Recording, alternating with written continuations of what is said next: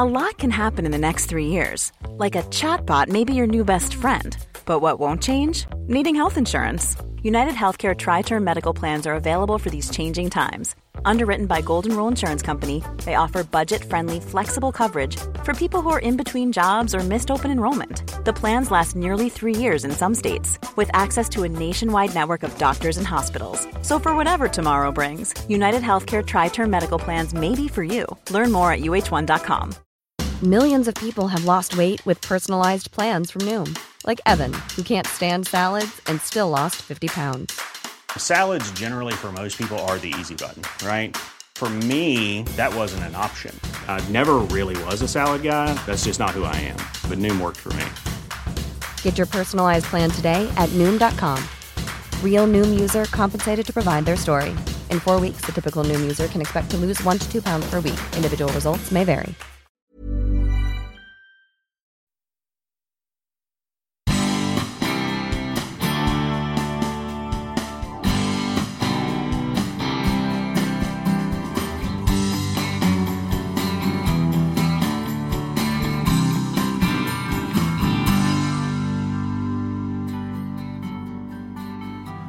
Och där tror jag att vi gravt har underskattat den ryska organiserade brottsligheten, eller Russian-based organized crime, rysktalande, som lika mycket ett, ett säkerhetsproblem som ett, ett kriminellt problem. Och med det menar jag den ryska statsapparaten använder oligarker, den ryska statsapparaten använder kriminella strukturer för sina gärningar. Eh, vi skrev en EU-rapport om det 2017. Eh, jag törs säga så här, det har inte blivit bättre. När de kartlägger och kör uh, i Stockholms tunnelbana, MTR, det är ju ett Hongkong-baserat uh, företag, så får du tillgång till rätt mycket personuppgifter i relation till de som rör sig i tunnelbanetrafiken. När du vill komma över andra typer av kritisk infrastruktur genom att lägga riktigt låga anbud så börjar du fundera, men varför vill man lägga ett anbud som är så mycket billigare än annat för att komma över långsiktig infrastruktur ur ett svenskt perspektiv så är det någonstans för att få ett fotfäste där staten går in koordinerat och vill äga informationsmängder och vill komma över infrastruktur i andra länder för att kunna påverka. Ja, men om du tar bröderna Kia, där den äldre brodern sades ha spionerat åt GRU. Han skickar sin lillebror att gå upp till, på Görvelsgatan knacka på hos ryska ambassaden och säga hej, brorsan har lite grejer att sälja till, till, er, er på plats här. Terrorhot nivå 4, ryskt spionage och gängens infiltration i byggbranschen. Hamas och Israel i storkonflikt och kineser som försöker stjäla patent. Hur ska vi hålla reda på alla som vill oss illa? Det ska vi diskutera med en av Sveriges mest erfarna experter och lärare i underrättelsetjänst, Jörgen Holmlund från Försvarshögskolan. Underrättelsetjänst, ja det får nog de flesta av oss att tänka på den ensamme spionen med stort våldskapital och som jobbar i utlandet. Verkligheten är långt mer komplex än så och arbetet sker till stor del inom Sveriges gränser av polis, Säpo, kommuner och andra organisationer. Jörgen pekar, föga förvånade, ut tre länder som är särskilt intresserade av Sverige. Nämligen Ryssland, Kina och Iran. Men vad vill de egentligen uppnå? Hur går de tillväga? Och vad kan vi vara uppmärksamma på? Vi pratar också om att polisyrket är ett kall, hur man blir en bra spion och hur det kommer att gå för Skellefteå i ishockey.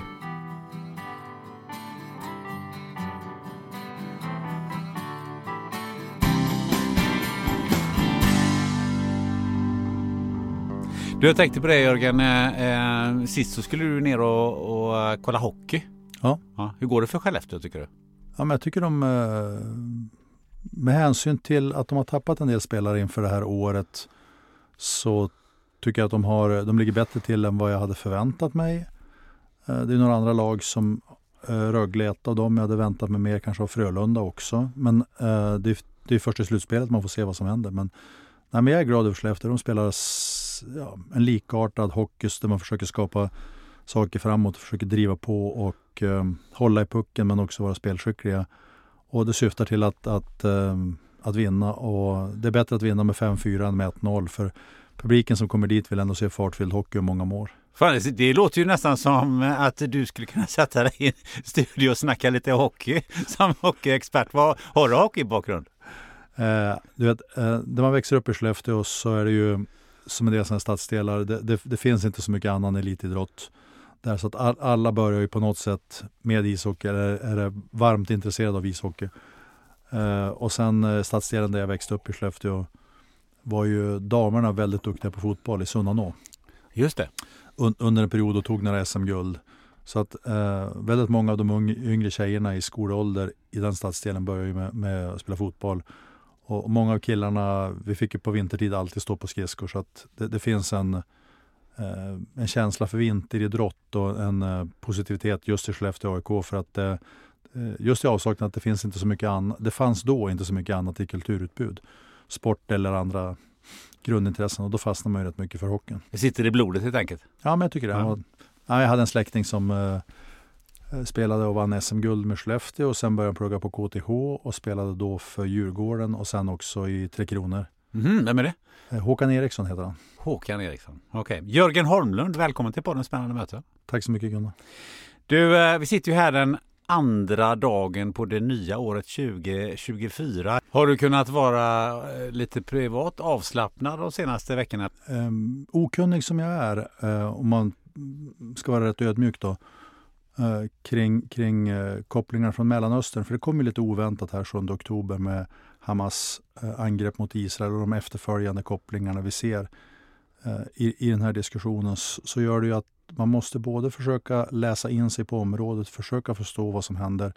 Vad är kopplingar till Hizbollah, al-Qaida och, och, nu också Hamas och, och, andra grupperingar i den här delen? Och vad innebär det med realitet mot svenska säkerhetsintressen. Så att av lite nyfikenhet och intresse att läsa in sig på grundområden för att förstå bakgrunden till konflikten så har det varit en kombination av både, inte rädsla och oro, men ändå, det finns ju en, en, en konkret problembild. Men sen finns det också en skyldighet att faktiskt läsa in sig på området. Men vi har ju andra experter på Försvarshögskolan, exempelvis Magnus Ranstorp som är eh, djupt kunnig just i grundkonflikten och, och, och, tematiken. Men vi får också frågor kring det här som gör att man måste nog vara påläst och, och relativt eh, benägen att kunna svara på ett, på ett ganska konkret sätt själv också. Har, ska jag tolka detta som att du har ägnat väldigt mycket av eh, din tid jul, över jul och nyår att, att, att, eh, att läsa? Jag läste in mig på eh, gamla historiska alster av, av, lite olika kaliber. Jag har följt mycket av debatten som är Eh, i internationella media kring eh, vad som händer i vår omvärld. Eh, det har ju varit mycket på, i tysk media och mycket i österrikisk media eh, kring, kring de gripanden som har varit, den hotbild som, som har framställts där i, i Tyskland. Eh, deras författningsskydd, alltså Verfassungsschutz, gick ut med en varning att det är just Hamas som utgör en problembild. Och eh, strax innan jul så tror jag man grep två och tre till här på nyårsdagen. Eller på nyårsafton i, eh, just i Köln med en problembild och ett hot mot, mot Kölner Dom eh, på, på plats där. Och det ligger så pass nära oss med Nordrhein-Westfalen, Danmark och, och övrigt att man, man bör nog vara lite fundersam på hur, hur, hur jobbar de här etniciteterna och grupperingarna och, och vad är det som utgör deras hotbilder. Eh, och bara för att säga på det tysta innebär ju inte att det inte finns en hotbild mot svenska intressen. Nej, det är klart. Jag tänkte på just om man reflekterar då, som man ju brukar göra runt eh, årsskiften. Ehm, och du har ju svarat på det redan lite grann, men, men 2023, finns det någonting som har total överraskat dig? Ja, det är en bra fråga. På, på ett sluttande plan tror jag så här att, att eh, en del brukar säga att du har mycket svart i din palett Jörgen, men när man är eländesforskare så, så, så, så målar man inte bara med, med de fina fluorescerande färgerna utan väljer ju att försöka se problembild och dra ut tangenten till ett större problemperspektiv. Uh, sluttningen i hur det har ökat de senaste åren, inte just 2023. Uh, eh, och tittar vi på den inre säkerheten så tycker jag då skjutningar och sprängningar Eh, är på en nivå som synes vara här i hur man löser konflikter på, på ett sätt som så här löser de kriminella sina respektive grundproblem. Eh, man förskjuter det här. Kommer man inte åt de kriminella så går man på familjen.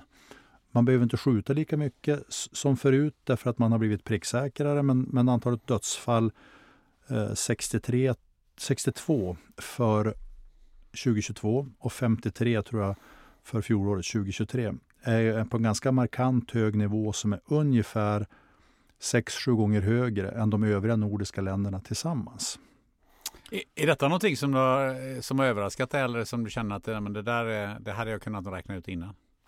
Bedrägerierna mot välfärdssystemet är ökande och den organiserade brottslighetens skicklighet att bolagisera sig Därför att någonstans ska ju de pengar som man kommer över in, in i ett vitare system någonstans.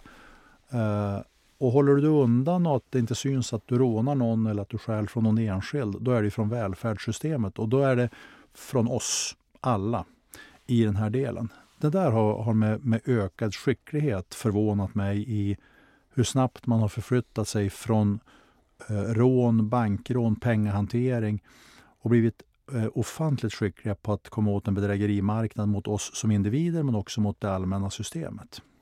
Mm, eh, vi kommer att, säkert att hamna i, eh, i eh, snack kring det där och en hel del eh, annat. Men du är ju lärare i underrättelsetjänst. Eh, och vad är egentligen underrättelsetjänst som sådant? Hur, hur ska man beskriva det?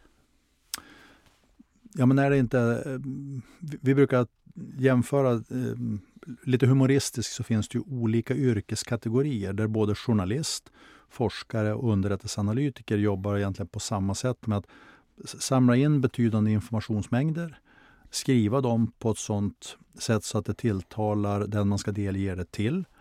Eh, man är mån om att skydda sina respektive källor eller noggrann i, i att redovisa var har du fått därifrån. En forskare måste ha en fotnot på sin respektive del. Eh, är det känsliga ämnen för en journalist så kanske man vill ha två av varann oberoende för att stödja en, en känslig publicering. Man är noggrann med att skydda sina respektive källor. Så det handlar om att inhämta material, analysera det och delge den processen. Så det är ett yrkesskrov av informationsinhämtning och paketering och förstå kundens beskrivning av vad man vill ha. Där underrättelsetjänsten är viktig är ju för att stödja beslutsfattande i samhället i övrigt. Det finns en, en konkret roll i varför inhämtar du den här typen av underrättelser. Vad, vad syftar de till? Eh, och då kan det vara att stödja Sveriges inre säkerhet eller att bedöma hotet mot Sveriges säkerhet från eh, andra makter utanför oss. Vem är dina elever? Vilka är det som du undervisar? Ja, det är i huvudsak eh, personer som jobbar som analytiker i, olika myndigheter i svenska underrättelsesystemet. Så för 2023 så har vi, eh, då vi haft utbildningar, vi har en akademisk utbildning på 7,5 poäng eh, operativ underrättelsetjänst eh, så har vi strömmat igenom 70 personer. Eh, det är en fem veckors utbildning eh, där man då är borta från sin ordinarie arbetsplats. Det är 17 myndigheter, det är en kommun, det är en branschorganisation. Så det är folk som jobbar som analytiker i det svenska underrättelsesamhället eller också det man kan tänka sig att det, det, finns kommuner som har vissa intressen i förskjutningen till civilt försvar, i att förstå processerna där man dockar in mot eh, polisiärt men också man kan ha kritisk infrastruktur som är av stor betydelse för Sveriges civila försvar. För du är ju på eh, Försvarshögskolan. Just det. Eh, vad kommer det sig att, eh, att detta är en, en försvarsangelägenhet? Eh, för du pratar rätt mycket om polis och kommuner och, och, och andra som inte är nödvändigtvis inom försvaret jag, jag, tror bilden är mer eh, den här att de myndigheter som, som vi ser som de normala underrättelsemyndigheterna, där Försvarsmakten, eh, som, där den militära underrättelsetjänsten har en, en god eh, ut, egen utbildning och förståelse och systematik för de här processerna, men också då den militära underrättelsetjänsten MUST, som jobbar med, med underrättelse och säkerhetstjänst, eh, som är avsedd också för, för yttre förhållanden i vad som, vad som rör sig lite längre bort i vår grundkontext. Plus Säkerhetspolisen och Försvarets radioanstalt. De har jobbat länge med den här typen av underrättelseprocesser där man tittar på det yttre hotet mot Sverige eller utländska statsaktörer. Läs utländska spioner som är på plats. Eh, när det börjar närma sig mer kring, kring civila grundförståelser, hur jobbar kriminaliteten mot det här? Eller andra typer av, av bolagiserade säkerhetsstrukturer så är det en bredare palett som inte bara handlar om ett militärt angrepp från annat land utan också förstå delar av den inre säkerheten på, på en annan palett. Och den jobbar och förstår inte Försvarsmakten därför att deras uppgift är att titta utåt. Och polisen förstår heller inte militärt angrepp därför att man jobbar med att hantera den inre säkerheten. Och då är det inflätningen av att de två hänger ihop som är viktig. Så jag har en kollega som kommer från Försvarsmakten som har jobbat länge med de processerna och jag har en bakgrund från polisen. Så jag tror att våra respektive synsätt att, att vilja få in fler personer från olika eh, samhällsfundament, eh, ta tullen, ta Lantmäteriet, ta Centrala studiemedelsnämnden, Försäkringskassan och övriga eh, är ju en sammanflätad del av en palett som gör att det här hänger samman och gör att, eh, skapar ett robustare samhälle också i klassrummet med deras kontakter för framtiden. Någonting jag funderar på det är ju eh, när man när man tänker underrättelsetjänst, åtminstone jag gör, jag tror att det, många gör det i allmänhet, så, så är det ju ett, gärna här en underrättelseofficer, eh, alltså ganska, ganska individuellt eh, fokuserat. Eh, hur mycket jobbar du med man säga, individuell utbildning av underrättelse, eh, personer som jobbar inom underrättelsetjänsterna som är på ett djupare plan? Det finns ju olika typer av grad, olika typer av hantverk i, i en grundprocess. Det finns de som är duktiga på att på olika sätt jobba med att hämta hem information. Och då kan det vara via teknisk inhämtning via sociala medier, via öppna källor. Det kan vara personbaserad inhämtning. Eh, att du jobbar nära miljöer som informatör eh, eller i de länder där man får göra det som infiltratör. Det vi kallar personbaserad inhämtning. Den typen av utbildningar som är känsliga av två skäl. Eh, dels att de personer som jobbar med riktigt spetsiga delar, eh, de personerna är skyddsvärda i sig. Eh, den organisationen, hur man bedriver den typen av verksamhet, är ganska generisk mellan olika länder, men den är skyddsvärd. Så den brukar man inte vilja dela upp och röra sig i offentliga sammanhang. Eh, och, det andra är också då, vilka typer av inhämtningsbehov man har utgör ju också en känslighet för att om Sverige vill veta någonting om, om, om ett grannland, låt oss säga Libyen, Burkina Faso eller Kazakstan, eh, så delger vi ju inte det till vem som helst. Att, det, att vi jobbar med att titta på de respektive länderna. Eller företeelser för polisens sida. Vilka grupperingar jobbar ni mest med i år? Är det Hells Angels eller Bandidos eller andra? Eh, därför att det har andra inte med att göra. Uh, och, och, det där, det jag försöker komma till är att den typen av känsligare uppgifter med personer som är skydds, har skyddsvärda både identiteter och arbetsuppgifter. Uh, de brukar myndigheterna vilja vara rätt noggranna med att man, uh, man paketerar en egen utbildning själva internt hos, hos sig. Jag blir nyfiken ändå, för du har ju säkert en, en kunskap eh, kring de här lite, eh, som du kallar det för spetsiga eh, kunskaper och, och, utbildningar. Och då, då menar jag mer på ett allmänt plan. Hur, hur, hur blir man som individ bra på den här typen av, eh, av jobb, alltså underrättelseinhämtning?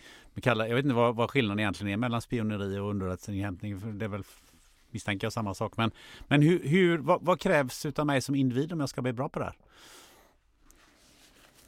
Det beror vilken typ av metodval man använder därför att um, om, um, i, i, i, paletten av olika inhämtningsdiscipliner uh, Därför det vi ser ofta är ju den här ens, e, ensamma personen, allt från James Bond, Jason Bourne eller uh, Jack Ryan eller Jack Reacher e-, eller andra sådana här, uh, ofta ensamma män någonstans med, med betydande våldskapital som åker jorden runt och fixar fram de här lilla hemligheterna av, av, av olika delar. Och eh, Det är nog många som ser den typen av grundpalett när man beskriver det här. Eh, de som jobbar som, eh, om vi vänder på det och tittar på de som jobbar här i det här landet, eh, är ju rätt noggranna med att kartlägga vilka behov har vi att leverera paket hem till eh, till, till, vårt respektive land. Vad tittar vi på? Då kan det vara tekniska innovationer eller tekniska försvarsinnovationer. Eh, Sveriges Eh, television har gjort ett bra, mycket bra eh, paketerat reportage som heter Putins spioner. Där man tittat på en person som jobbade både på Scania och Volvo, lite grann med självkörande fordon, som vi, vi tror eh, fanns ett, ett, intresse för Ryssland att komma över för, för deras egen försvarsindustri. Ryssland jobbar ju inte så mycket med komponenter för att stjäla för att, att eh, skapa egna produkter och sälja på en världsmarknad. Kina däremot är ju skickliga på att hantera andra länders patent och omsätta dem till kommersiella produkter. Men när Ryssland gör det är det oftast under förtecken av att det finns en militär grundhistorik i det. Ryssarna har gjort den här typen av tradecraft, om vi tittar på Cambridge Five och andra, med att rekrytera källor som, som är nyttiga för dem eh, i, i en bra bit över hundra år. Och att vara skickliga på att närma sig personer som de tror kan vara nyttiga för att förstå brittisk statsförvaltning, svensk försvarsindustri, olika kopplingar och att, att veta hur man ska adressera enskilda personer för att få dem att jobba åt dig på den här delen. Den typen av skicklighet kräver ju en, en, en fallenhet som person av att skapa tillit, tilltro. Du ska också kunna analysera situationen Eh, och du ska kunna vara så insmickrande att du lockar någon annan till att någon, annan att uppleva att du är en, en, så pass mycket vän att jag kan rekrytera dig för framtida spionuppdrag åt ett annat land. Det kräver ju en skicklighet i övertalningsförmåga och egen handfasthet. Men det är ju inhämtningsdisciplinen som vi kallar personbaserad inhämtning eller Humint. Eh, jobbar du med, med öppna källor, eh, med, med, artificiell intelligens och sånt som rör sig i öppna media. Eh, det fanns ju ett skämt förut om att, att delar av ryssar blev ju upphöjda över hur skickliga de var. Hur, hur kunde du hitta ett kartotek på de här personerna var de, var de fanns? Eh, och då var det att förteckningen fanns ju i vår telefonkatalog. Och, och där står det ju Arne Andersson, Siv Ing eller Beatrice Andersson, läkare. Uh, och, och, bara i den förteckningen så, så, hade vi en sån noggrannhet i relation till att hitta personer som vi ville få i en telefonkatalog. Men andra länder såg det som en värdefull underlättelsekälla i relation till att kartlägga värdefulla personer. Och man hade det till uppdrag att delvis titta efter personer som fanns i den svenska statsförvaltningen eller i övrigt som var värdefulla. Hur mycket är det spaningsjobb i det här? Ja, min grunduppfattning, är, jag är ju en vän av att man faktiskt vistas ute i det lokala samhället. Så att jag tror man ska inte underskatta eh, de respektive delarna. Och, och när du säger hur mycket så säger jag, eh, det är aldrig tillräckligt på, på det där området. Vad menar du med det? Eh, ska man titta på mm, ur ett polisiärt perspektiv för att, för att få en bild ut över vem som rör sig tillsammans med vem. Eh, vilka typer av aktiviteter äger rum? Vilka typer av fordon finns ute i vårt lokalsamhälle? Så, så, kräver det rätt mycket att kunna övervaka enskilda kriminella eller enskilda företeelser som platser, aktiviteter, eh, vem, vem har kontakt med vem? Eh, ska du hantera då olika typer av hemlig rumsavlyssning eller hemlig telefonavlyssning, eh, krypterade appar som också kräver en, en, en komplexitet i sig. Teknisk kompetens. Eh, du måste också kunna banda och, och, köra de här respektive delarna. Du måste ha, ha två förmågor. Du måste ha en kulturell förståelse av vad det är du lyssnar på och du måste ha en språklig förmåga av att kunna översätta eh, vad, är, vad är det personerna faktiskt säger.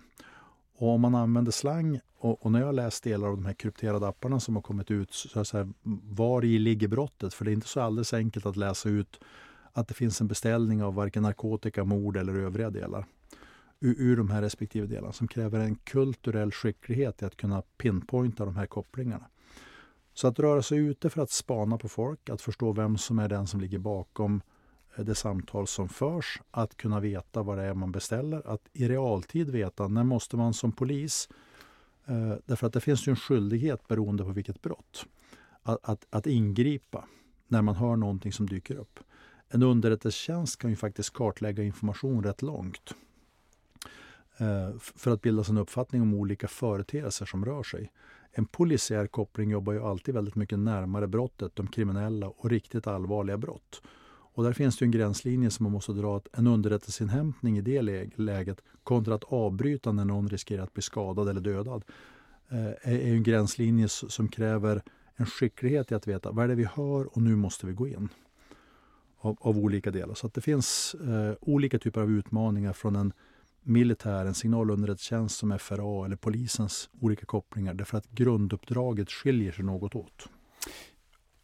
Har vi, eh, har vi eh, eh, från Sveriges sida eh, vad man kallar eh, spion eller underrättelseinformatör i, i, i andra länder? Eh, precis som att eh, eh ryssarna eller vilka det nu är eh, har det här i Sverige?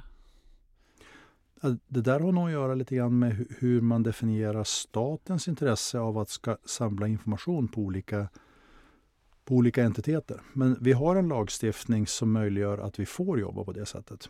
Så det finns en, sedan 2000 både en, en lag och förordning som heter försvarsunderrättelselagstiftning, försvar, försvarsunderrättelseförordningen som möjliggör att vi får med olika typer av metoder jobba i, i, i perspektiv som ligger utanför Sverige.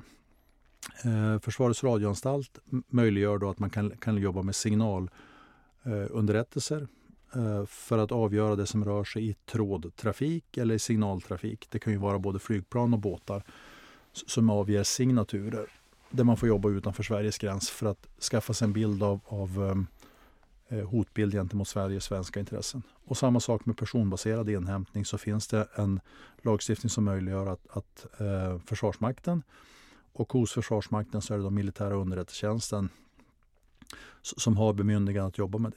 Så som svar på frågan så att vi har ett ramverk för det. Jag tror att det där äger rum.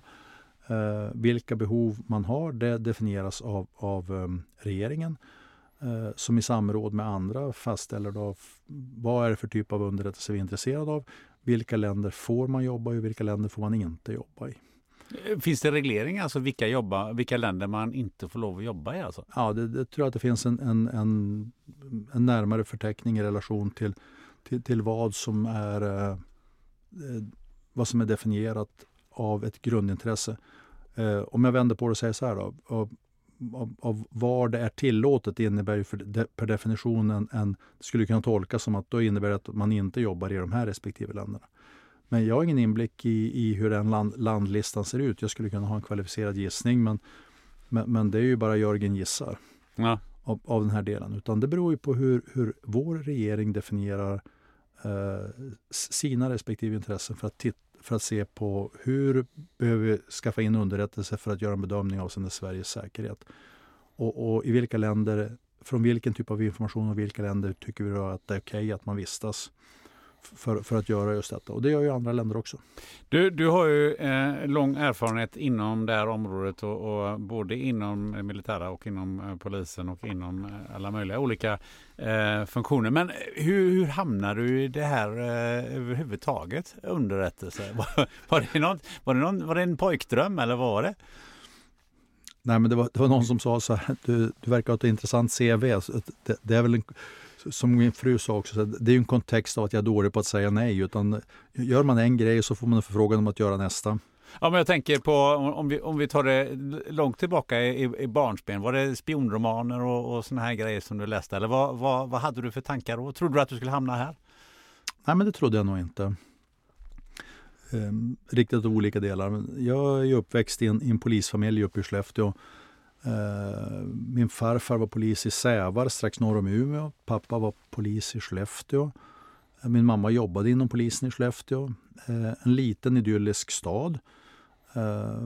Alla polisbarn vart rätt väl omhändertagna av andra. Det var liksom en kollegial, kollegial familjär sammanhållning i den delen som först efteråt när man börjar söka olika yrkesval gör att man, det, det faller inte så långt ifrån Eh, äppelträdet av, av, lite olika slag. Jag hade väl ingen tanke på att liksom börja inom polisen sådär. Och när jag gjorde lumpen och sen blev kvar under försvars, eh, i Försvarsmakten under en period där så tyckte jag att det kunde vara ett intressant grundval tills man hamnar på lite olika vägar via studier i Uppsala på, på, på, på, he, på helt andra yrkesvägar eller akademiska vägar.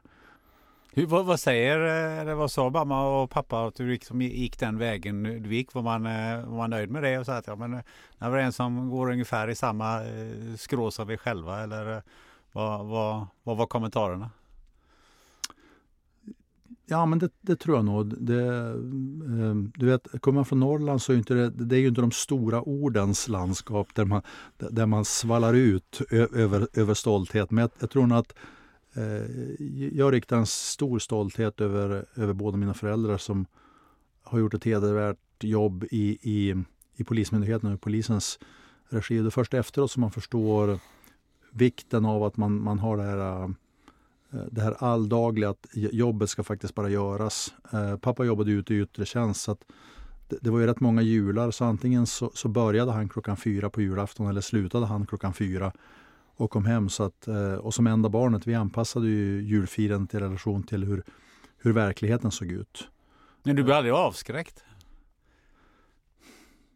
Jag tror jag skulle ha reagerat annorlunda som, som situationen ser ut idag och en djup beundran för de som jobbar i storstadsregionerna. För jag tror um, att de kriminella kartlägger eh, identitet hos enskilda poliser och de som jobbar offensivt finns ute. Det är inte så superbilligt att bo i Stockholm, Göteborg, Malmö som gör att det finns utmaningar både att hitta, att få möjlighet till ekonomi och, och utväxling i de här delarna jämfört med övriga delar av landet. Jag tror problembilden som den ser ut idag av de som jobbar offensivt. Vi har ju inte minst eh, Jales som är då underrättelsechef i, i Uppsala som, som har fått eh, både hotbilder och, och sin bil sprängd. Eh, 2018 var det två poliser. Eh, det var en polis som bodde i Västerås eh, där två stycken dyker upp och skjuter en AK47 rakt genom huset och familjen med barnen är på övervåningen. Annars vet man ju inte hur det där hade gått.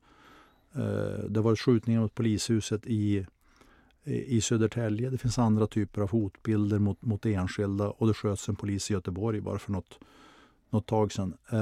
De här bilderna sammanvägt har jag funderat på så här att det, det, är ett annat klimat i relation till respekten för, för personal i, i uniformsyrken. Uh, stenkastningarna som var i samband med de här påskupploppen uh, och, och hotbilden när man skjuter raketer mot blåljuspersonal är ett förskjutningsvärde som är helt annorlunda än när jag växte upp. Uh, och de som jobbar ute vänjer sig gradvis vid att det här förskjuts. Eh, men hade jag jobbat ute idag, då hade jag nog reflekterat, eller förlåt, hade jag stått inför att välja yrke så hade jag nog reflekterat över att det finns, det finns en betydande hotbild gentemot ens identitet, lättheten att kartlägga polistjänstemän. Och om du jobbar offensivt så är det inte så lätt att gömma sig undan det här och du möter en, en rätt otrevlig problembild. Och där vi säger, men där polisen ska Eh, jobba för att skydda oss andra för att kunna trycka till mot kriminaliteten så skapar du ett mottryck från dem tillbaka av hotbild som organisationen måste orka stå emot. Det är ett annat Sverige än när jag växte upp. Even when we're on a budget, we still deserve nice things. Quince is a place to scoop up stunning high-end goods for 50 to 80% less than similar brands. They have buttery soft cashmere sweaters starting at $50, luxurious Italian leather bags, and so much more. Plus, Quince only works with factories that use safe, ethical, and responsible manufacturing. Get the high-end goods you'll love without the high price tag with Quince.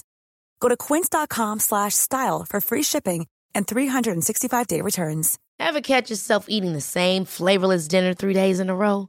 Dreaming of something better? Well, HelloFresh is your guilt-free dream come true, baby. It's me, Gigi Palmer.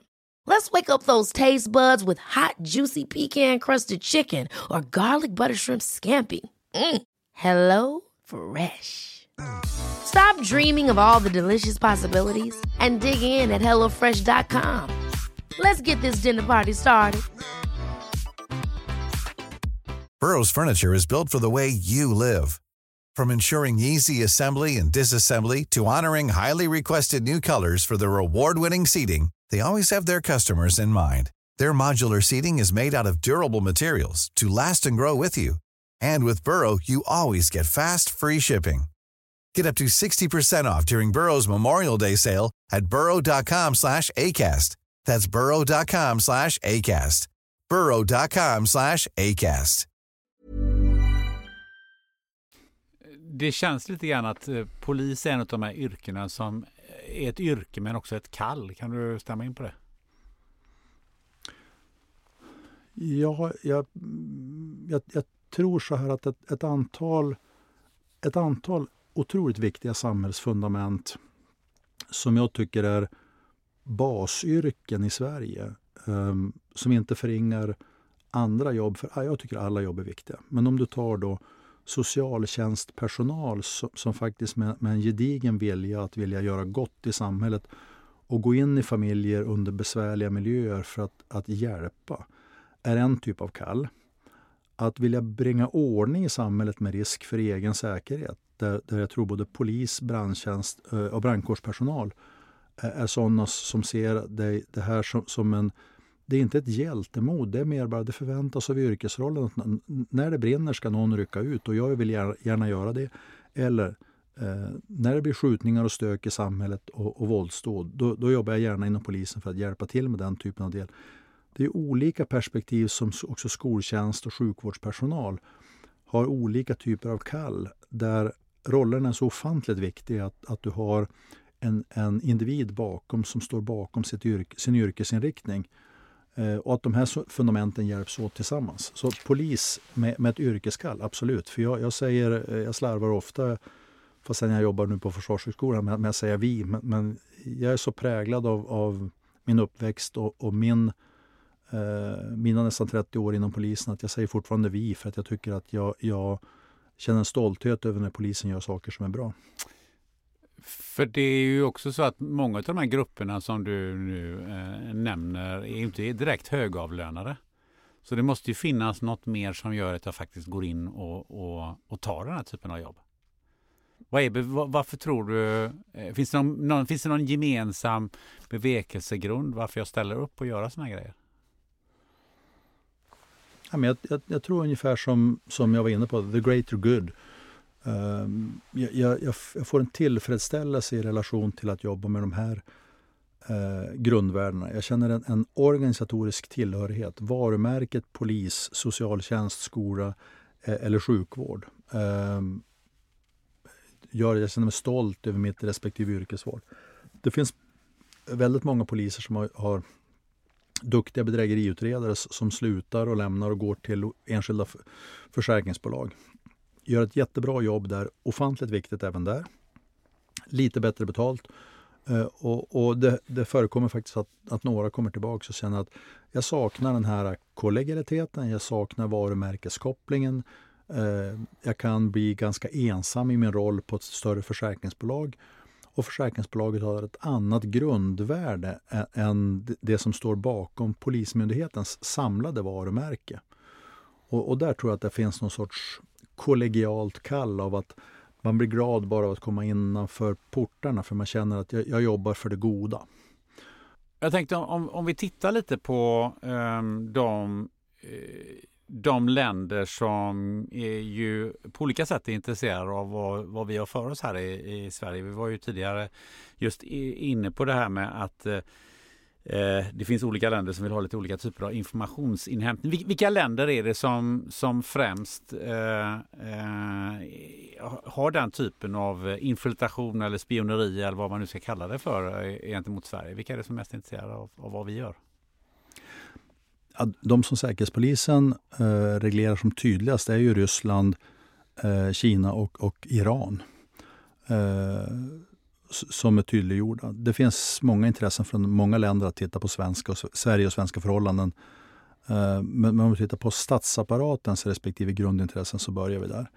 Men med lite olika perspektiv. Eh, jag, jag är inte säker på att jag tror att Ryssland kommer att invadera oss. Men, men um, delar av vår totalförsvarsuppbyggnad som har varit aktuell, uppbyggnad av det civila försvaret, alltså kommuner och länsstyrelser, uh, deras roll. Eh, mycket, av mynd, eh, mycket av det privata företagandets koppling och vikten av ehm, sammanlänkning med att få det här att fungera. Ehm, låt mig exemplifiera med ett exempel. Då. Göteborgs hamn är en ofantligt viktig inskeppningshamn för att det civila samhället ska kunna fungera för Sverige, men också för Norge. Och, och där är det bara ett kommunalt eller ett, ett bolagsintresse i form av Göteborgs hamn som blir ofantligt viktigt för att det här ska fungera och hänga ihop. Det där kartläggs av Ryssland. Eh, delar av vår totalförsvarsuppbyggnad vad gäller försvarsmateriel eh, när vi nu säger att vi ska anskaffa typer av nya eh, produkter. Det finns exempel på produkter som riktas mot eh, eh, Sveriges eh, militära stöd till Ukraina. Vilket får, får av mig uppfattas som att Sverige har tagit ställning på Ukrainas sida, vilket kommer att innebära att Ryssland med, sin, eh, med sitt narrativ ser det som att Sverige har valt att gå i krig mot Ryssland. Man uttrycker sig inte så, eh, man har inte förklarat krig gentemot Sverige, men man blir man blir ju noggrann i att följa Sveriges eh, metodval eh, och också den försvarsuppbyggnad som sker. Då blir ju också försvarsindustrin av, av visst grundintresse. Eh, vi behöver inte gå in här på de produkter som nämns men, men vi, vi, kan ju läsa alla i tidningarna i relation till artillerisystem eller, eller eh, fordon eller flygtyper som blir aktuella. Men det finns säkert mer i den här paletten som gör att det finns ett ökat skyddsvärde i relation till vår eh, uppbyggnad i det här systemet.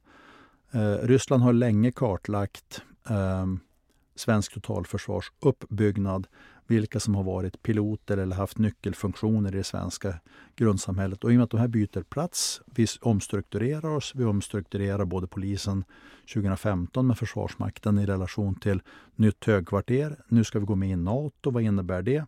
Så blir ju både svenska förhållanden i Bryssel vad gäller EU och Nato, eh, men också här hemma av en betydelse. Och inte för att de tänker gå i krig med oss. Utan de, har fått en, de som jobbar här har fått en beställning med att kartlägga hur Sverige jobbar med de här grundprodukterna. Det är som vilken beställning som helst till en utstationerad person i förskingring någonstans. Ta reda på det här.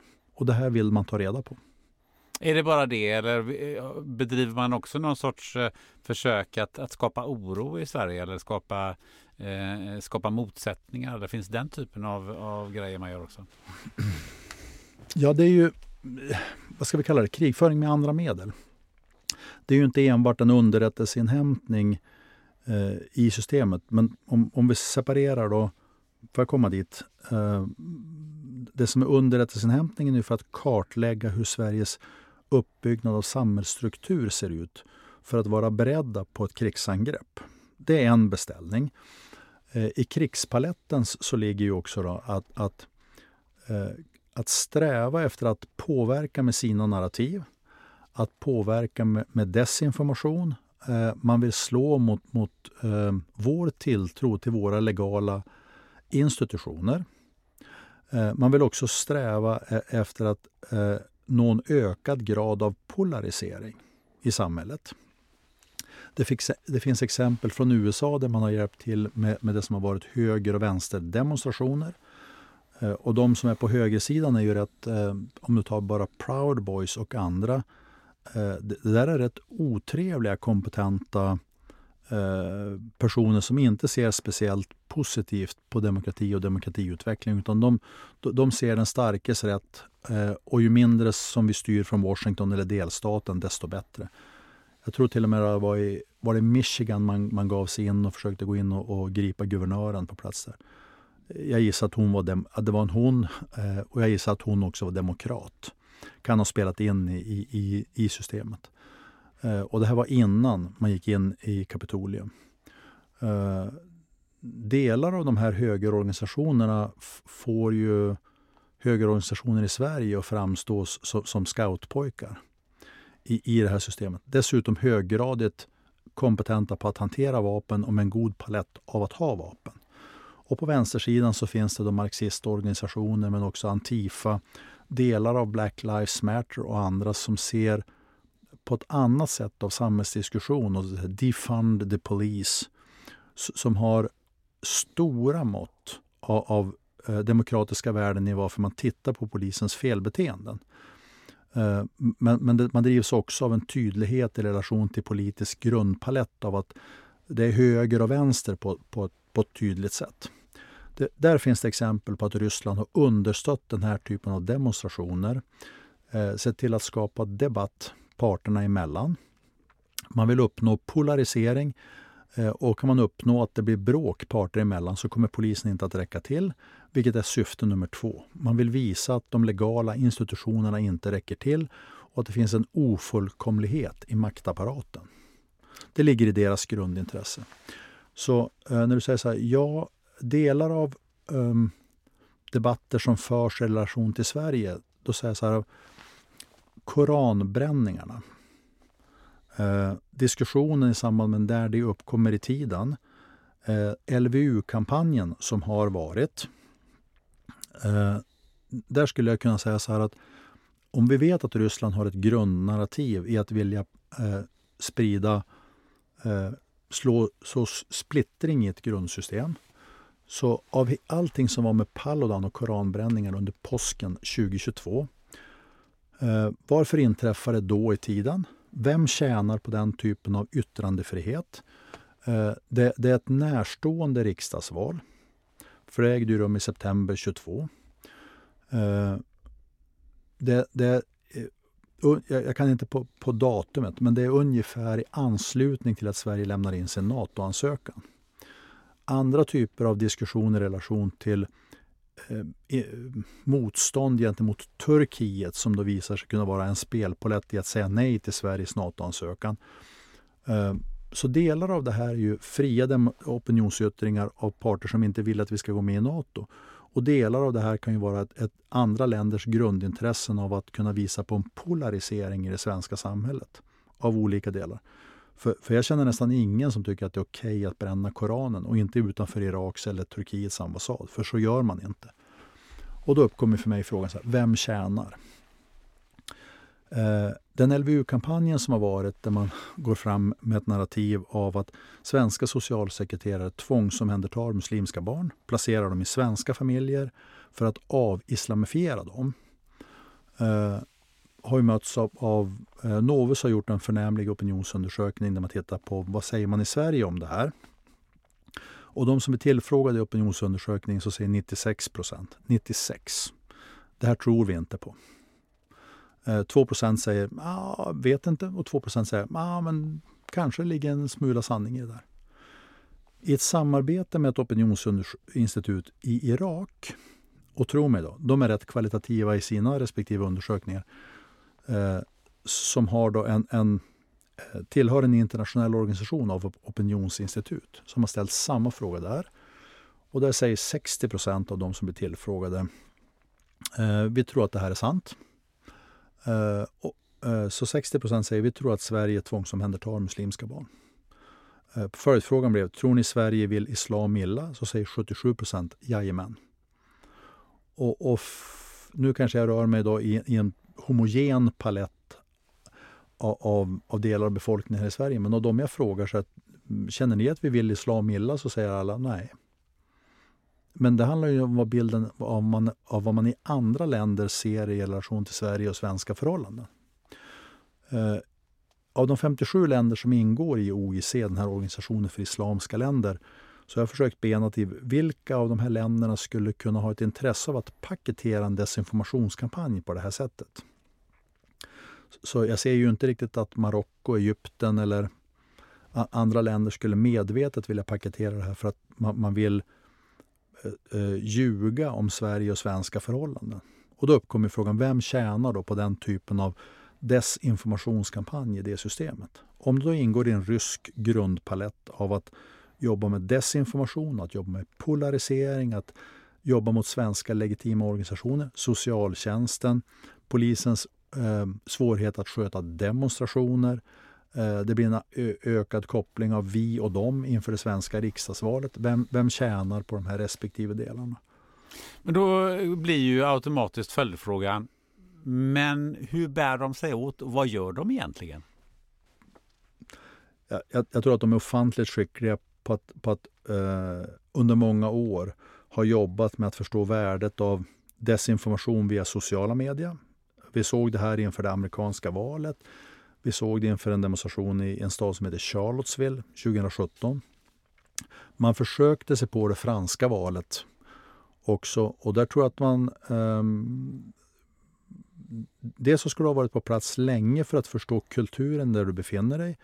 Uh, det är inte bara att byta ett, ett arbetsmetodik från en amerikansk horisont och flytta det till, till Frankrike.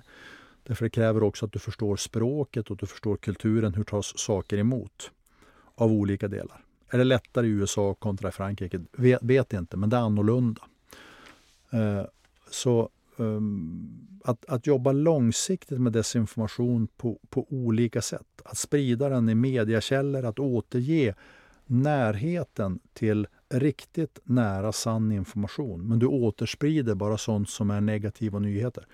Eh, kolla här, polisen misslyckades med ett ingripande. Men den återges i ryska störsändare oftare eh, än, än om du ska paketera desinformation i systemet. Så den tunna linjen mellan god, sann, äkta journalistik och hur du åt, väljer att återge sånt som skapar polarisering eller bristande tilltro till våra instrument. Så det, i den senare delen, de väljer att jobba och jobba långsiktigt med de här delarna. De har gjort det länge, det här är inget nytt, men man har vässat verktygen i den här delen. Och, och eh, jag har hört siffran eh, i relation till att ha soldater kontra att ha en som jobbar med desinformation så är värdet 4 till 1. Så, så, man har noterat att det finns ett betydande värde att, att jobba mot västvärlden och västvärldens legitima institutioner på det sättet. Och en person från Estland beskrev det så här för mig. Om, om, om, om du jobbar nära Estlands gräns och står i Ryssland och så tittar du in och ser att det gradvis blir bättre och bättre levnadsstandard i Estland så förstår du ju värdet av att en, en, en demokratiutveckling som har varit i Estland sedan det att de lämnade Sovjetunionen och den ekonomiska upprustning som har blivit på plats där för många delar av genomsnittsbefolkningen eh, är ju ingenting som Ryssland vill belysa som en nyhet hemma. För det innebär ju att ett annat statsskick än det ryska skulle vara bättre. En annan syn att lösa ekonomi, turism och välgärning skulle vara bättre än det ryska. Och då måste man slå mot västerland, västerlandets NATO, EU och andra typer av, av kopplingar som, des, som dysfunktionella för att visa värdet av sin egen statsapparat som den fullkomliga och rätten att kunna få styra i Ryssland. Men kan man gå så långt och säga att eh, till exempel att den här, eh, om man tänker just på koranbränningar, det var inte bara Paludan utan det var ju en annan eh, person senare också, att man, att man direkt har gått in och sponsrat den typen av aktiviteter? Eller är det, är det, är det att säga att det är för klumpigt? Jag, jag vet inte med mig att jag sett belägg för att så skulle vara fallet. Um, Paludan vet man säkert mer om, för han har ju förekommit både i, i Sverige och Danmark eh, under en period. Eh, Momika ger ju inte riktigt bilden av, av, för mig av att vara en person, eh, och vad skönt, nu har jag fått komma till Sverige. Därför, därför jag såg inte säkerhetsmässigt att jag ville vara kvar i mitt hemland. Eh, men, men att ägna sig åt koranbränningar i Sverige ger ju inte bilden av att du lägger all tid på att lära dig ett nytt språk söka jobb och vara säker på att du ska vara anställningsbar i det svenska samhället. För, för jag är inte säker på att jag skulle lita på en person att kunna anställa honom själv. För man vet ju inte varken vem han är eller hur han uppträder i olika delar. Och, och därför har jag svårt att se liksom att det här är en person som, som självständigt nyttjar plattformen av, av att ha fått till Sverige eh, och känna att här vill jag bygga upp min framtid. Utan det är ju något annat som ligger bakom den här personens uppträdande i sak. Alternativt så finns det andra typer av kognitiva besvär hos honom som är högst personliga. Har man sett några relationer till den organiserade brottsligheten till i, i Sverige och att man eh, blir sponsrad från, från Ryssland? För det är också ett sätt att, att skapa oreda i samhället naturligtvis. Um, vi tittade på en, en gränsdragning eh, kring Eh, Eh, det var inte rysk brottslighet, det hette Russian Based Organized Crime, den rysktalande organiserad brottslighet. I huvudsak rysk. Och, och den ryska organiserade brottsligheten eh, har ett högre toppnod än de andra. Men det kan vara tjetjener, det kan vara kaz kazaker, usbeker, georgier, tidigare ukrainare, eh, folk från Azerbajdzjan och Armenien. Eh, som i olika kopplingar kan ryska och därmed finns med i samma härad av det här. Eh, det finns rätt betydande rapporter ur en EU-kontext, allt från Sankt Petersburg via Riga. Eh, det går trådar in i Finland, det går hubbar in i, i Stockholm, Berlin. Eh, det finns pengaflöden till, till London, Riga, Schweiz, Grekland. Det finns rätt betydande eh, kopplingar i Bulgarien. Det finns det eh, rätt mycket vad avser Cyperns ekonomi. 25 procent av Cyperns ekonomi är ju någonstans ryskkontrollerad i systemet. Mm. Det finns exempel på ägande av banker, mycket från Baltikum och en del också med kopplingar ner till Cypern av, av, olika delar. De är skickliga på att hålla sig under gränsytan av att veta så här, är min bedömning. Eh, vi har, vi har ingen lust av att lösa våra respektive konflikter med väpnat våld. Vi är insorterade i relation till våra arbetsstrukturer. Eh, uh, Hells och Bandidos har ju också lärt sig att börjar man skjuta pansarskott på varandra då drar man till sig polisens ögon så att det, och det är dåligt för affärerna. Så, så håller vi någon sorts borgfred av att se till att det här är lugn och ordning, då, då får vi vara i fred. Och där tror jag att vi gravt har underskattat den ryska organiserade brottsligheten, eller Russian-based organized crime, rysktalande, som lika mycket ett, ett säkerhetsproblem som ett, ett kriminellt problem. Och med det menar jag den ryska statsapparaten använder oligarker, den ryska statsapparaten använder kriminella strukturer för sina gärningar. Eh, vi skrev en EU-rapport om det 2017. Eh, jag törs säga så här, det har inte blivit bättre. För den anknytningen hör man ju rätt ofta i samband just med byggindustrin och särskilt uppe i de trakterna där du eh, kommer ifrån. Eh, för man har läst, jag har i alla fall läst det på lite olika håll att det, det finns en hel del manchetener, kasaker och så vidare. Nästan har egna communities eh, i det här. Vad, va, vad kan du säga om det? Ja, men om, om jag ska vara försiktig så så, så, du, du har rätt. Uh, och um, när, när grundpengen uh, som man hittar, så här, det finns en duktig firma som heter Ansvar Säkerhet. De har ju uh, Jessica Löfström som, som är VD där, men också i styrelsen har de Claes Friberg, tidigare Säpo-chefen, och Inga-Britt Alenius som var generaldirektör för Riksrevisionen. Um, som nog betyder att, att de är rätt noggranna med att se till att, att, att det man utger sig, för stämmer rätt långt. Um, det de jobbar med är ju, eh, den, den, den firman, det, det bolaget, det, det, är ju kontroller på våra arbetsplatser i relation till hur ser avtalen ut, vilken typ av, av rätt har du att vara på arbetsplatsen, Eh, finns du på plats här? Så att de har ju anställt personer som har bakgrund inom polisen som är vana att läsa resedok eller pass. Eh, att bedöma om personen verkligen har uppehållstillstånd i landet eller inte. Eh, siffran de kommer fram till och andra också. Eh, Göteborg har en lägre siffra men man brukar säga så att det är ungefär 40 kronor i timmen för de som jobbar. På de här arbetsplatserna i Göteborg sa man 35 till mig. Eh, och om, om snittlönen borde vara 240 kronor i timmen så innebär det att den organiserade brottsligheten tar mellanskillnaden på 200 kronor och göder sig själva. Eh, kvar på arbetsplatserna går då folk som, som inte kan Eh, är tillräckligt bra på svenska, eh, inte har rätt att vistas i landet, kanske inte heller är yrkeskunniga på det de ska pyssla med. Så om du ska ha rörmokare, elektriker, byggarbetare, du ska kunna sätta upp hissar och förstå säkerhetsföreskrifter och göra övrigt, så kräver det att du är yrkesutbildad och att du också har en språklig kompetens att kunna röra dig på en arbetsplats. Och Det är ju inte det att de som är här gör det här fel, men de inte låter sig utnyttjas. De, de blir utnyttjade av den organiserade brottsligheten därför att vi har dålig kontroll på våra arbetsplatser i relation till vilka som vistas på plats där. Men blir vi inte också väldigt sugna på eh, från, från, så att säga, från de byggföretagen att ja, men här kan vi ju här kan vi tjäna bra mycket pengar emellan. För jag menar 40 kronor eller 240 spänn i, i, i timmen. Även om det finns en kriminella som tar lite grann emellan så, så någonstans så, så måste det ju finnas att man, ja men det finns, här finns ju ekonomisk lönsamhet. Vi är pressade, vi ska göra det här billigare. Hur mycket har det betydelse? Jag är kanske fel person att, att, att svara där. Naturligtvis så, så är ju skyndsamheten när du väl ramlar över någonting eh, plus att, att grejerna ska fram i rätt tid en, en, en stressande faktor.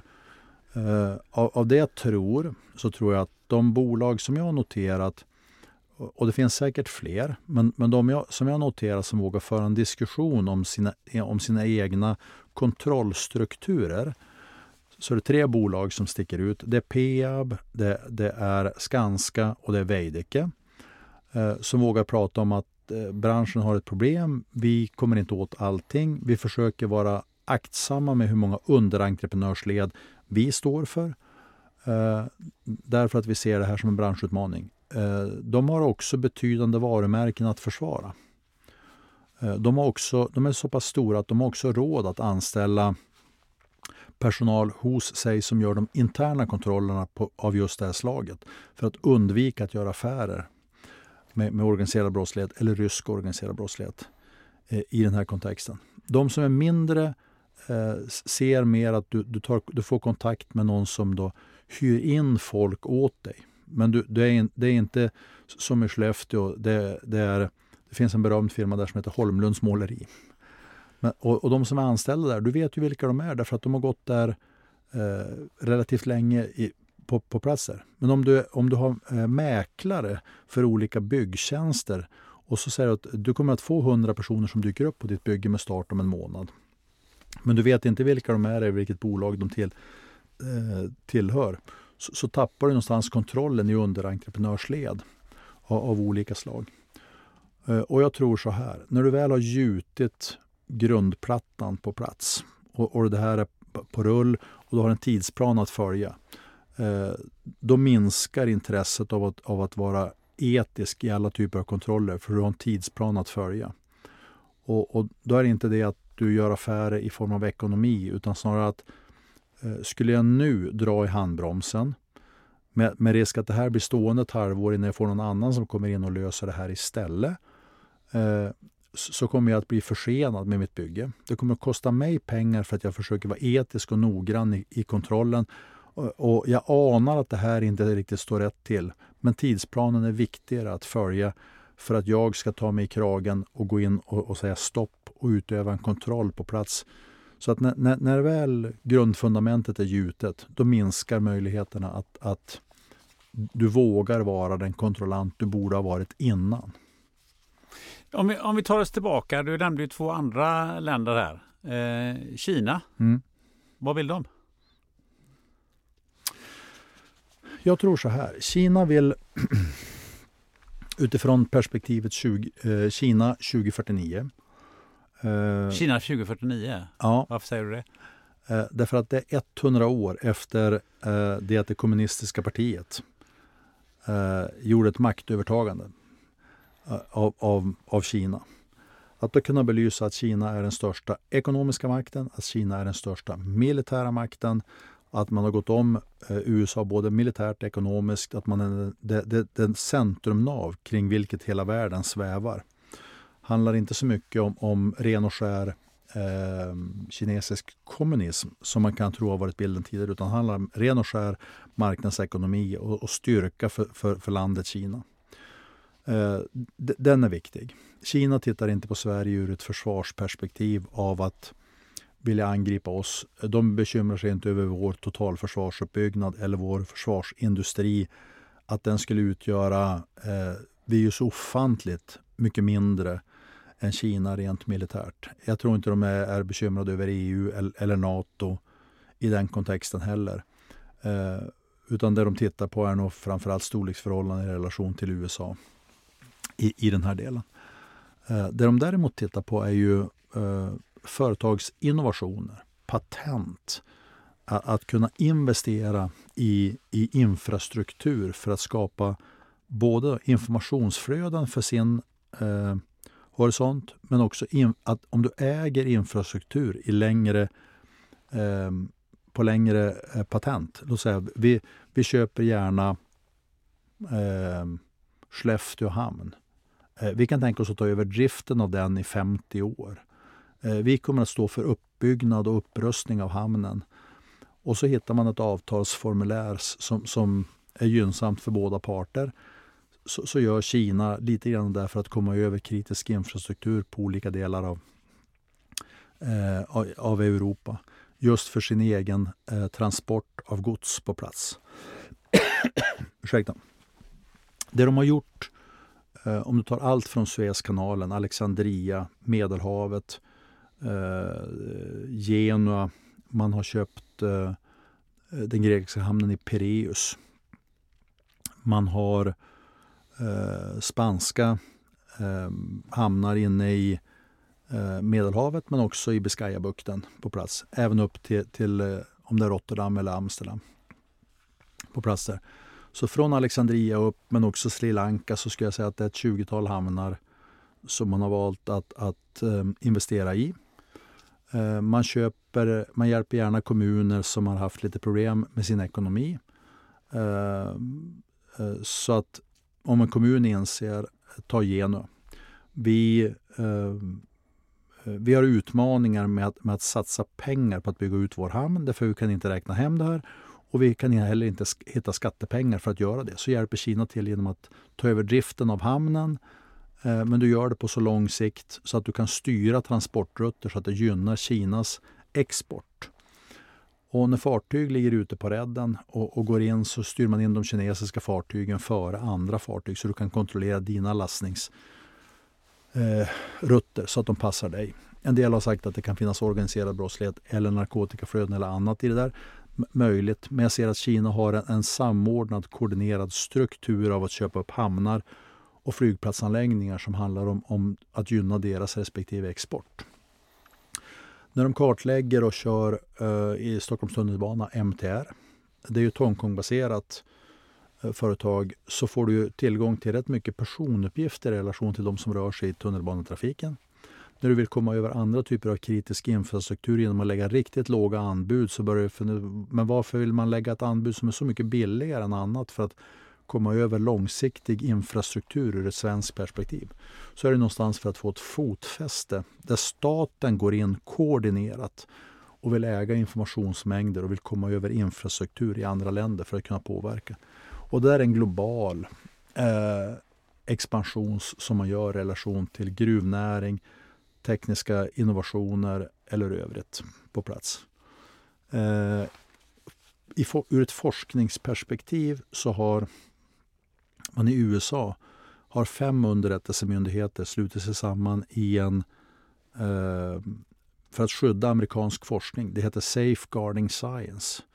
Där man gått in på amerikanska universitet för att eh, göra en bakgrundskontroll på de kineser som är på plats. Eh, vilka tillhör People Liberation Army eller säkerhetsdepartementet MSS eh, i, i den här delen. Och vilka vill vi säkerställa att vi eh, inte har inne som är felaktiga. Eh, och då, näm då nämns en siffra, men jag tror att det är rätt många som har valt att lämna eh, därför att man ansåg att, att amerikanska underrättelsemyndigheter kommer att börja kontrollera oss och vilka vi är på plats. Eh, och då går det till ungefär så här, enligt min uppfattning. Och där har Dagens Nyheter och Svenska Dagbladet båda i våras gjort två förnämliga artikelserier där man beskriver kinesisk forskning med, ur ett svenskt perspektiv. Men, men det jag tycker vi ska tänka ur ett skyddsvärde ungefär så här. Då. Uppsala är en ort som har en betydande läkemedelsindustri och läkemedelsforskning.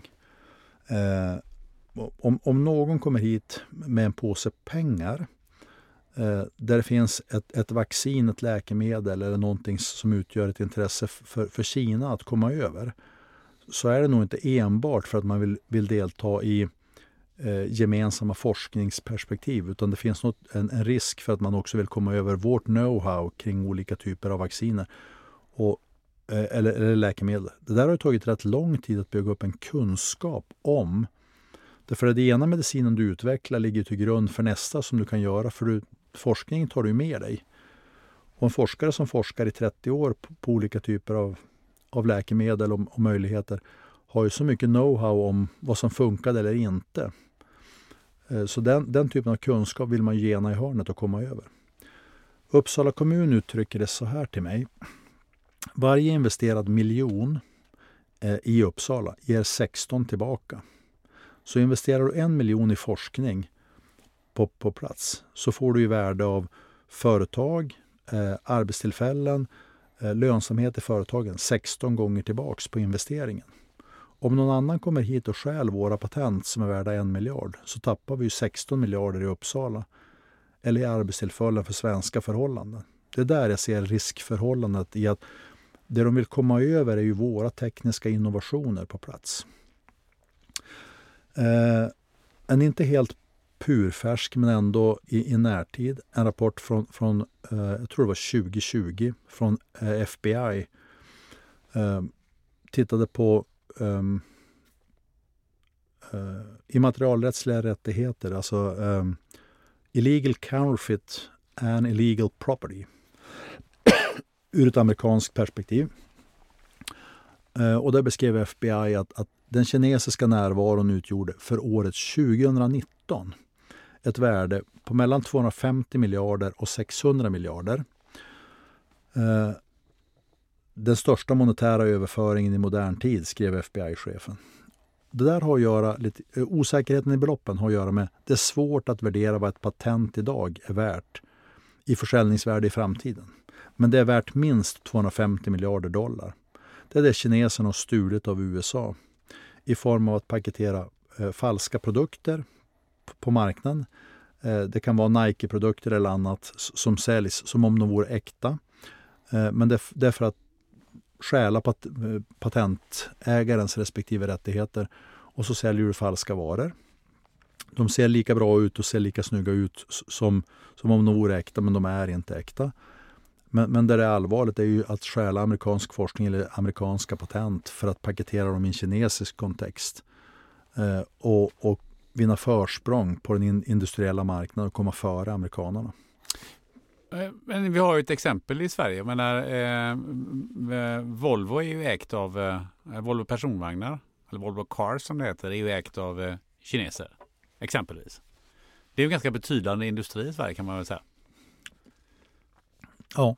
Hur, eh, Eh, jag kör själv en Volvo så var det någon som sa till mig så här att eh, ja, du, du, du levererar du eh, eh, liksom all möjliga data till Eh, till kineserna och den andra säger att jag vill inte köra Volvo, det är ju fan en kines, kinesisk bil mer eller mindre. Alltså, alltså hur, hur ser du på, med, med tanke på det du sa här, att, att kineser i Kina, kinesiska bolag går in och köper eh, ganska betydande svenska företag? Man måste ju uttrycka sig med någon sorts politisk korrekthet i, i, i det här systemet också. Um, jag, jag, jag, jag, tror att det finns ett... ett um, jag, jag, tror att man i Kina är, är skickliga på att veta och, och värdera eh, värdet av, av, av ett, ett inköp i relation till vad det ger tillbaks i, i ett monetärt värde. Jag tror att de är skickliga affärsmän. Um, och, och, där vi kan ha globala utmaningar med att vi får inte viss verksamhet att gå runt så, så, ser de det på, på ett annat sätt. De köper inte för att komma över patent en, enbart. Uh, utan de ser nog en affärsmässighet kring, kring sina investeringar. De är inte pigga på att ge bort pengar för att komma över uh, olika typer av kopplingar. Uh, där staten kan gå in och sponsra så är det för att du har en annan långsiktighet i, i att förstå att ett, ett, ett investering i en hamn, i en flygplats gynnar en statlig logistikuppbyggnad på sikt som, som inte nödvändigtvis ett enskilt privat bolag ser att det går att få, få fason på, på, en, eh, på en hamn som har varit på dekis länge i relation till grundintressen. Men staten kan ha andra typer av kopplingar i den här delen. Eh, Ja, jag, jag, jag, tror att vi ska vara aktsamma i relation till de, de uppköp som görs i relation till betydande informationsmängder. Eh, det du Eh, det du pekar på innebär ju en utmaning i relation till alla typer av fordon som rör sig därför att eh, allting som du vistas i i form av en bil idag strålar ju information i, i, i hur det än gör. Eh, bilar idag som ska servas efter 3000 mil eh, skickar ju en, en, en, larmkod till om det så är Audi, BMW eller Volvo att, att eh, du blir uppringd eller får ett mejl att du får, du, får, du får en servicetid om två veckor därför att din bil närmar sig 3000 mila service. Så, ja, men jag har ju inte ringt. Nej, men bi, bilen strålar information av, av, olika slag. Och det är klart att den innehåller så mycket mer av olika delar som vi inte vet var den, var den tar vägen. Eh, där det gör det särskilt intressant är där du har då betydande skyddsvärden som rör sig i våra fordonsflottor eh, som innebär hur, hur ser man på det? Och med det menar jag ehm, om, om, du har då hela världens säkerhetstjänster som kör skyddspersoner, allt från presidenter till, till kungahus eller, eller politiker, eh, har, har ju då vissa utmaningar i relation till hur mycket strålar våra respektive fordon. Och, och, och vad väljer vi med anledning av det att ha för typ av fordon? Eh, om, om du är i Tyskland så kan du säkert ha olika typer av överenskommelser med, med några av dem, låt oss kalla dem Mercedes, BMW eller, eller Audi, kring diskussionen. Vi vill inte att de här strålar den här typen av information av, av följande skäl. Men, men är vi ett litet land måste vi vara smartare än så. Det där tror jag att, att det, det, är inte Jörgen som knäcker den delen. Det tror jag att Säkerhetspolisen och andra redan har koll på av, av olika delar. Men för oss som privatpersoner så vet vi inte vad bilarna strålar. Nej. Eh, det känns ju ganska rimligt. Ja, men vi har pratat om Ryssland. Det eh, känns ju ganska rimligt att de har ett visst intresse av eh, Sverige. Eh, och det känns ju ganska rimligt att även kineserna på, med, med tanke på det du säger. Men sen finns det ett tredje land som, som det är ju ganska underligt. Vad, vad, vad har Iran med det här att göra? Vad, det är väl ungefär som du, som du sa Marocko eller något annat land. Vad, varför är Iran så himla intresserad av Sverige? Jag, jag, um jag, jag, jag, nu gissar eh, jag. Jag, jag gissar att det ser ut så här. Sverige har en diaspora på eh, 120 000 personer som har iransk bakgrund eller koppling på olika sätt. Det är inte alla som har flytt sedan 79 av de här 120 000 men, men jag tror globalt att det är ungefär 10 miljoner eh, iranier som finns ute i världen, varav 120 000 i Sverige. De som finns i Sverige eh, i, i vårt liberala land eh, har de med sin studiemotivation och studiebakgrund som man har från Iran eh, genomgående fått, fått rätt bra skolbetyg. Eh, och i vårt land så är skolbetygen en meritgrund för att få anställning eh, som gör att väldigt många av dem får bra jobb. Från den positionen, men också i att förstå det svenska statsskicket, att kunna våga demonstrera Eh, därför att polisen registrerar inte vem som demonstrerar i, i det här landet. Man registrerar om, om, om du utgör ett säkerhetshot mot, mot svenska eller mot andra intressen, vilket eh, är en helt annan sak. Men, men du har en rätt stor frihet att kunna få demonstrera i Sverige utan att bli registrerad i den här delen. Eh, så tror jag också att de, de som rör sig här ser Sverige som ett eh, vi brukar kalla det swing nation, men ett land som kan påverka andra. Att, att om du vågar demonstrera här så vågar du också demonstrera i andra kontexter. I, i andra EU-länder och, och, i andra länder. Uh, där, där, tror jag att det finns en, en, en liten koppling i den här delen av att, av att få med sig andra i den här, i, i den här grunddiasporan av, av de som är, är ute i andra länder. Eh, om du kommer ihåg, jag tror det var i september i fjol, så var det en ung kvinna i Teheran som, som tog av sig sin, om, om termen är korrekt, huvudduk. Jag vill inte längre skyla mitt hår därför jag tycker att det här är, är det, det strider mot min grunduppfattning. Så hon slogs ju ihjäl. Eh, rätt många ungdomar i Teheran men också i Iran i övrigt gick ut och protesterade mot att säkerhetstjänsten hade slagit ihjäl henne. Som fick globala demonstrationer att äga rum. Eh, när demonstrationer i Sverige äger rum eller mot de grupperingar som har olika typer av iranskt intresse och bakgrund så händer det att man, man håller koll på vilka som är på plats, hur man uttrycker sig i relation till staten. Och det vi tycker är en demonstration till stöd för mänskliga rättigheter ser man i staten Iran som eh, ett, ett hot mot, mot statens frihet. Du har inte med det att göra, det, för det handlar om vårt statsskick av olika slag. Eh, vi ser ju här att det finns en, en tjänsteman på UD som har suttit fängslad länge. Och, och när, när nu en dömdes då för folkmord i Svea hovrätt bara här eh, var det två veckor sedan så dyker det upp en diskussion i relation till fångutlämning. Och för mig så här, mm, men Sverige jobbar väl inte med fångutlämningar utan den som är dömd är ju dömd eh, e, enligt Svea hovrätt efter godtagbara principer, vilket betyder för mig att, att det, det, det, det, finns en skälighet kring den domen. Och i det andra fallet är det en person som, som har gjort något enligt iransk lag.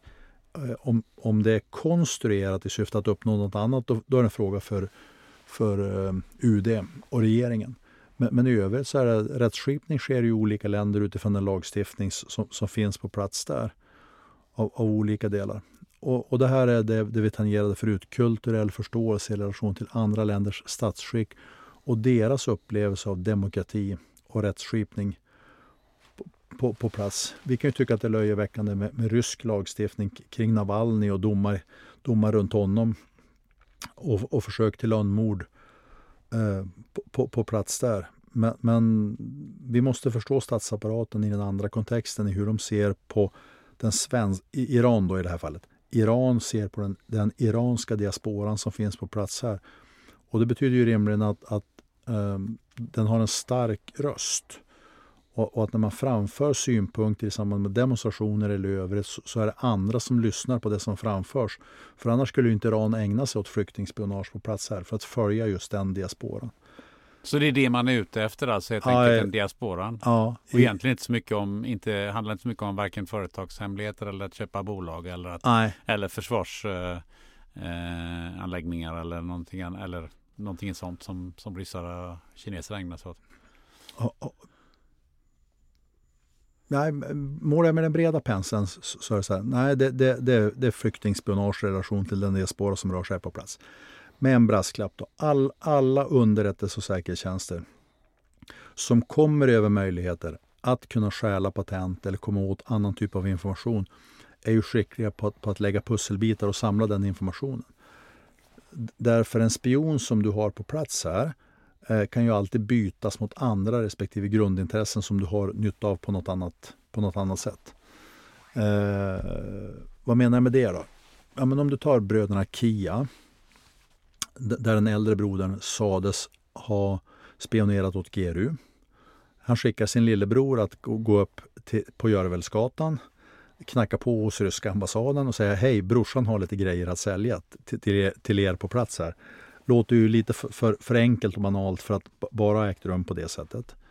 Uh, läser man delar av förundersökningsprotokollet mot, mot Peyman Kias så nämns det ju att, att det finns en farbror i det iranska revolutionsgardet.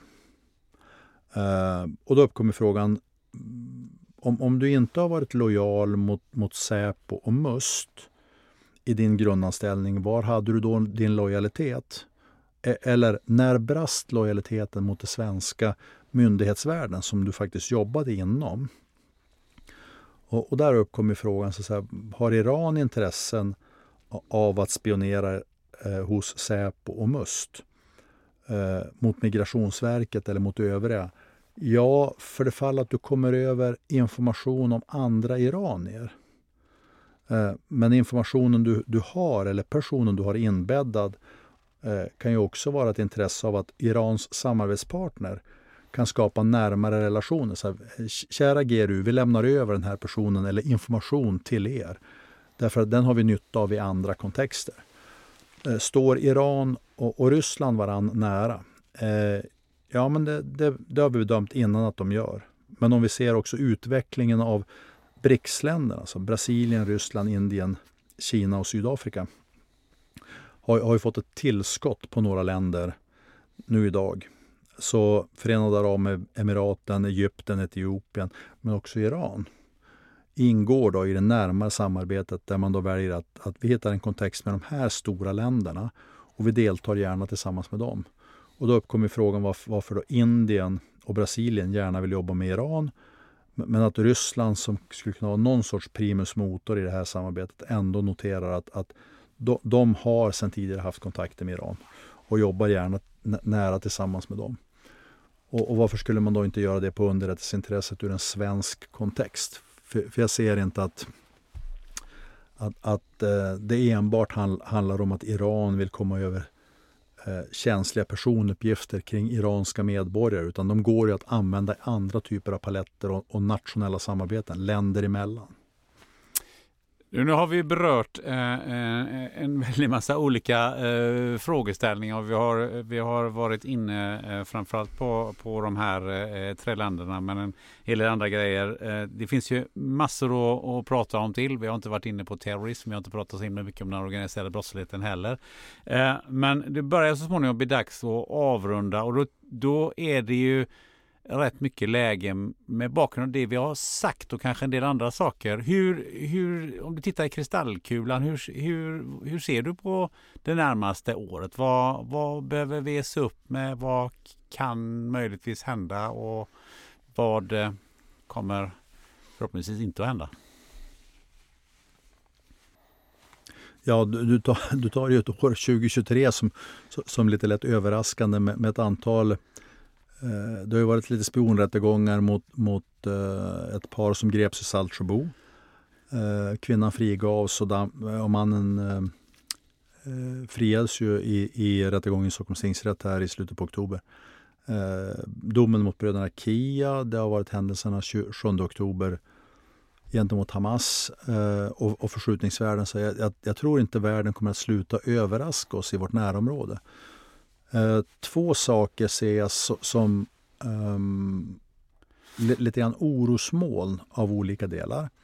Eh, och det ena all, allvarligt och det andra mer, mer en påverkan av, av positiva omständigheter.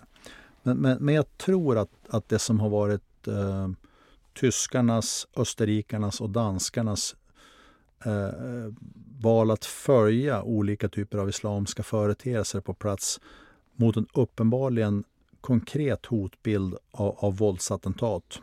Islamistiska våldsattentat eh, i, i de länderna får man nog tas som en allvarsfråga. Eh, det där innebär ju inte att Sverige har blivit avfört från en, en, en topp 10-plats av de länder där man vill rikta in sig mot. Utan eh, LVU-kampanjen, koranbränningarna, eh, det attentatet vi såg skedde i Bryssel. Heder åt de tre som sköts, varav två inte längre med oss. Eh, som, som en koppling till att, att Sverige ligger nog högre upp i den där skalan än vad vi kan tro. Och det smyger sig in en liten sån här vardagslunk i, i den här delen som jag tror vi ska vara aktsamma på. Eh, 6 december eh, så var jag nere i Göteborg och då åkte ju eh, företrädare för Centrum mot våldsbejakande extremism och Säpo rätt snabbt upp till Stockholm och var med i kvällssändningar därför att det fanns eh, en, en, ett värde med att snabbt kommunicera att det finns en problembild i relation till svenska förhållanden. Vilket man och justitieministern var ute dagen efteråt och kommenterade det tillsammans med Säpo. Det finns nog ett värde att, att, att hålla, hålla tag lite grann i den grundkontexten att, att har, har man höjt terrorhotet som man gjorde i slutet på augusti, eh, har det skett ett terrorattentat, om man betonar det här ytterligare och, och våra västerländska grannar är rätt allvarliga kring vad de noterar kring, konkreta händelser så tror jag att den, den, där ska inte avföras för 2024 utan tvärtom faktiskt hålla, hålla liv i att vi alla är, är vaksamma att vi rapporterar sånt som vi ser är, är upplevda felbeteenden. För den, den där är på riktigt. Puck, pucken 2 som jag tror när jag ser val av ny rikspolischef, eh, val av ny biträdande rikspolischef. För jag tror att Petra Lund med sin koppling till att förstå rättsväsendet och åklageriet kommer att utgöra en, en kravbild på att polisen utreder mer. För hon kan utredningsprocessen som tidigare domare och, och riksåklagare. Jag tror att det är en gedigen statstjänsteman som vill ha ordning och reda och struktur och, och det, det, finns alltid en fördel med att rycka plåstret och byta i, i, i styrhytten på något sätt. Eh, och Stefan Hector har en gedigen bakgrund från nationella insatsstyrkan och operativ eh, uteffekt av systemet. Och där tror jag att du får två som faktiskt vill ha lite ordning och reda i polisens utleverans av olika delar. Och kravet som har rests sedan många år, nu också från justitieminister Gunnar Strömmer och andra, Eh, även tidigare riksdagspartier. För man ska komma ihåg att jag tycker att Socialdemokraterna innan har varit noggranna med sitt 34-punktersprogram. Mikael Damberg var en förnämlig inrikesminister. Men det är inte lätt att svänga en atlantångare. Men jag tror att nu är det, är, det, är det rätt tid i relation till ett mod av att jobba, våga jobba ute. En status i att kunna jobba mot den organiserade brottsligheten, att jobba närmare dem i, i att störa processerna och faktiskt ha poliser ute på plats. Eh, varför är jag orolig? Jo, men all typ av mottryck där du börjar skruva åt möjligheten att kunna fortsätta att tjäna pengar eh, eller att kunna vara fri i dina respektive områden utgör ju varför kommer ni hit? Därför att om polisen är närvarande bara för att skapa ett lugn i ett lokalsamhälle så, så upplever ju andra det som en trakasseri av vår frihet att kunna äga vårt område. Och då kommer det uppstå olika typer av andra hotbilder gentemot myndighetspersonal, socialtjänst, skolpersonal eller poliser framför allt. Men det är ju bara ett tecken på att man gör rätt saker. Så heder åt dem inom polisen och polisledningen nu av att trycka på, eh, att, att våga jaga eh, och allt tryck skapar alltid ett mottryck. Så man ska vara beredd på att det kommer att hända saker eh, i det här respektive systemet. Och där tror jag att, att jag både tror och hoppas på en ökad leverans i systemet men man ska också vara aktsam på att den organiserade brottsligheten, om man ser att man tappar pengar, förlåt, möjligheter till, till intäkter, eh, så kommer man ju att vilja slå till på andra typer av sätt i, istället. Och blir man jagade med hänsyn till, till möjliga fängelsestraff eller olika typer av kopplingar i övrigt så, så skapar det där, man kommer inte bara stillasittande titta och titta, sitta och titta på när polisen höjer garden lite grann och trycker på något i, i det systemet. Utan där tror jag att det kommer att komma någon form av mottryck dessutom. De två faktorerna, det ena ur en negativ kontext som är svår att belysa. Den andra föranledd av att man gör bra åtgärder men det skapar ett mottryck. De där skulle jag hålla koll på under, under 2024. Mm. Eh, intressant. Du sa ju det här med att vi har ökat eh, terrorhotnivån till en, en eh, fyra. Eh, lite också som avrundning. Kommer vi få se en femma då med tanke på det du sa? Nej, det, det, det, det, tror jag inte. Och, och samtidigt så Nationellt centrum mot terrorhotbedömning eh, och Säkerhetspolischefen är ju de som fattar beslut i att göra den bedömningen och den, den uppgraderingen. Jag tror att, att eh, om man tittar tillbaks så fanns det säkert tecken i, i rapportering redan under, eh, un, under tidig maj där man grep två stycken i, i Tyskland och andra typer av grundkopplingar. Att, att det här låg någonstans i förväntansvärdet av att Sveriges långgradiga nivå från, från 3,1 till 3,99 den, den, var redan där.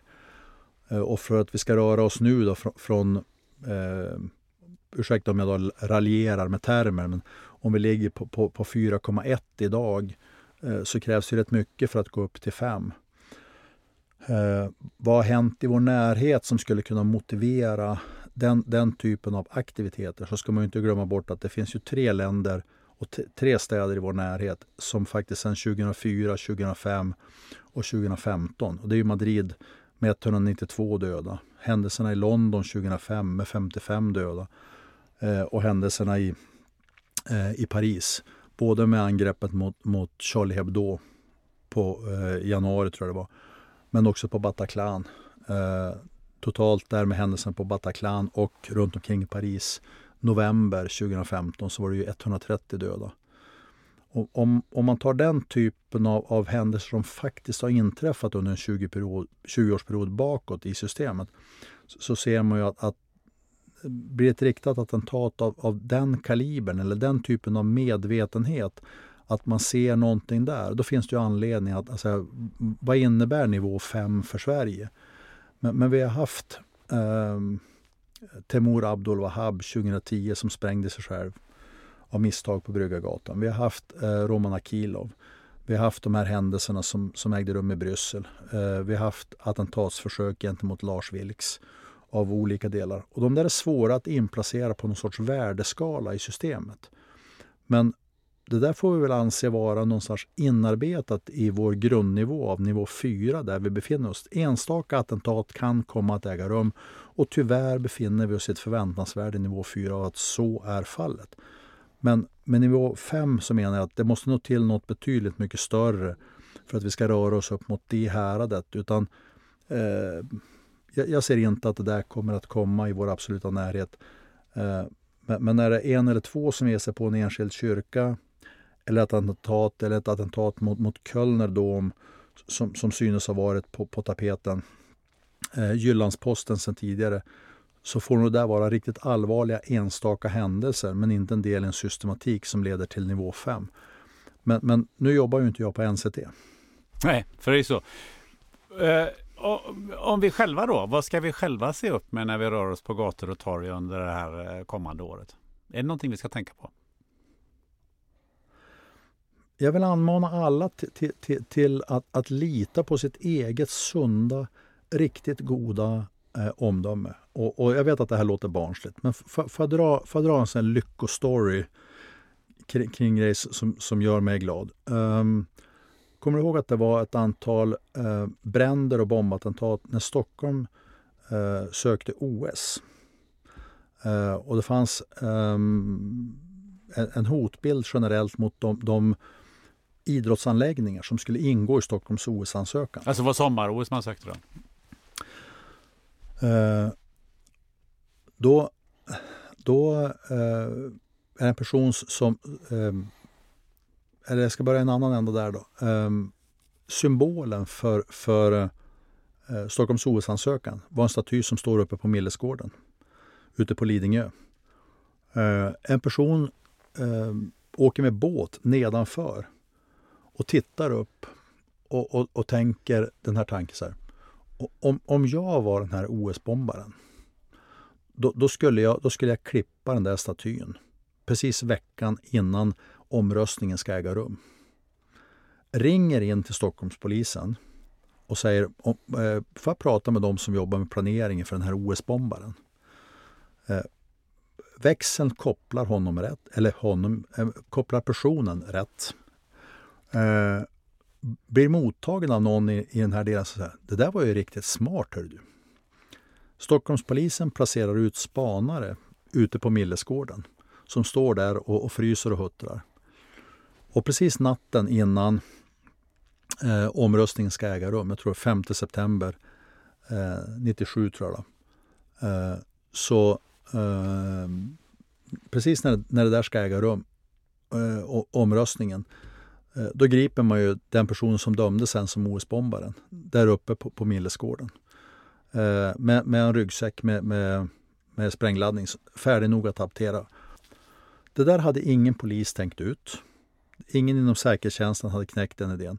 Utan en person som kopplar ihop händelser i Stockholms innerstad med ett objekt och, och ser en mystisk företeelse, alltså, ringer in och blir väl omhändertagen. Det där är ju en lyckostory på varför vi ska lita på vårt eget omdöme och allmänhetens blick. Så att bibehålla god eh, tilltro till allmänheten, att ta emot alla tips från, som rings in till Säkerhetspolisen eller polisen och, och bedöma var, varje inringt samtal som trovärdigt. Att vi själva vågar fortsätta att ringa och vågar ringa in och inte ser oss själva med felaktiga ögon i den här respektive kontexten av att jag vill inte ringa för jag kan uppfattas som rasist eller det där verkar eh, inte trovärdigt. Utan är det någonting som vi inte tycker stämmer, då ska vi ringa av den anledningen. Och det där jag tror att vi måste bibehålla öppna kanaler till allmänheten.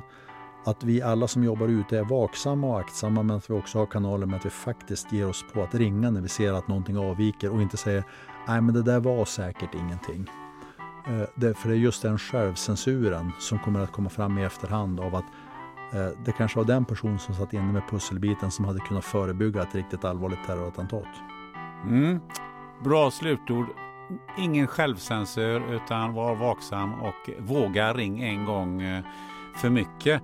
innan vi slutar så brukar jag alltid fråga Eh, vem eh, man tycker, eller vem gästen tycker att jag borde intervjua. Så jag tänkte höra med dig, vad, har du några tips eh, vem som borde sitta i, i den stolen du sitter just nu?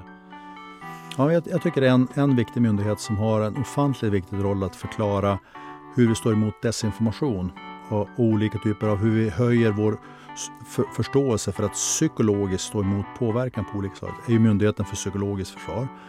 Eh, och, operativa chefen där, Mikael Tovesson, har en bred bakgrund från, från både Försvarsmakten och, och eh, MSB i att förstå just de här delarna kring desinformation och värdet av de delarna. Så, så det är en som jag skulle uh, tycka är aktuell att, att intervjua som en bra person som kan förklara vad är det här med desinformation och hur ska vi, hur, hur ska vi se på olika typer av kopplingar till, till nyhetsflöden och annat som rör sig för att vara mer förberedda själva. Mm, bra och intressant eh, tips. Eh, slutligen Jörgen, om man vill ha tag på dig, kanske eh, behöver både få utbildning eller eh, lyssna på något föredrag som jag vet att du håller då och då. Hur gör man då? Man mejlar mig på Försvarshögskolan, jorgen.holmlund.fas.se eller också ringer man via Försvarshögskolans telefonväxel så, så ser jag till att svara och vi kommer jättegärna ut och hjälper till med olika kunskapshöjande åtgärder. Härligt eh, gott med eh, öppna eh, kanaler här. Eh, Jörgen Holmlund, ett stort tack att du ville sitta och snacka med mig här. Tack Gunnar. Du har lyssnat till det 185 avsnittet av podden Spännande möten med mig Gunnar Österreich. Nästa avsnitt kommer du att få veta allt om hunger. Varför äter vi egentligen mer än vad vi behöver? Och hur kan vi hantera denna urkraft som faktiskt gjort att vi överlevt som art på jorden? Missa inte det. Tills dess så vet du vad du gör.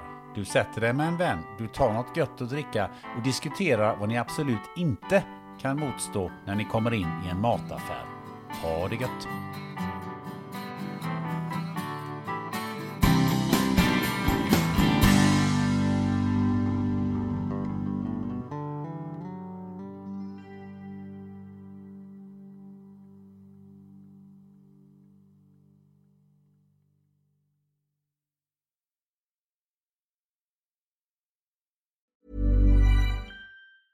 Planning for your next trip? Elevate your travel style with Quince. Quince has all the jet setting essentials you'll want for your next getaway, like European linen, premium luggage options, buttery soft Italian leather bags, and so much more. And is all priced at 50 to 80% less than similar brands. Plus, Quince only works with factories that use safe and ethical manufacturing practices. Pack your bags with high-quality essentials you'll be wearing for vacations to come with Quince. Go to quince.com slash pack for free shipping and 365-day returns. Ever catch yourself eating the same flavorless dinner three days in a row? Dreaming of something better? Well, HelloFresh is your guilt-free dream come true, baby. It's me, Kiki Palmer. Let's wake up those taste buds with hot, juicy pecan-crusted chicken or garlic butter shrimp scampi. Mm. Hello Fresh. Stop dreaming of all the delicious possibilities and dig in at HelloFresh.com. Let's get this dinner party started.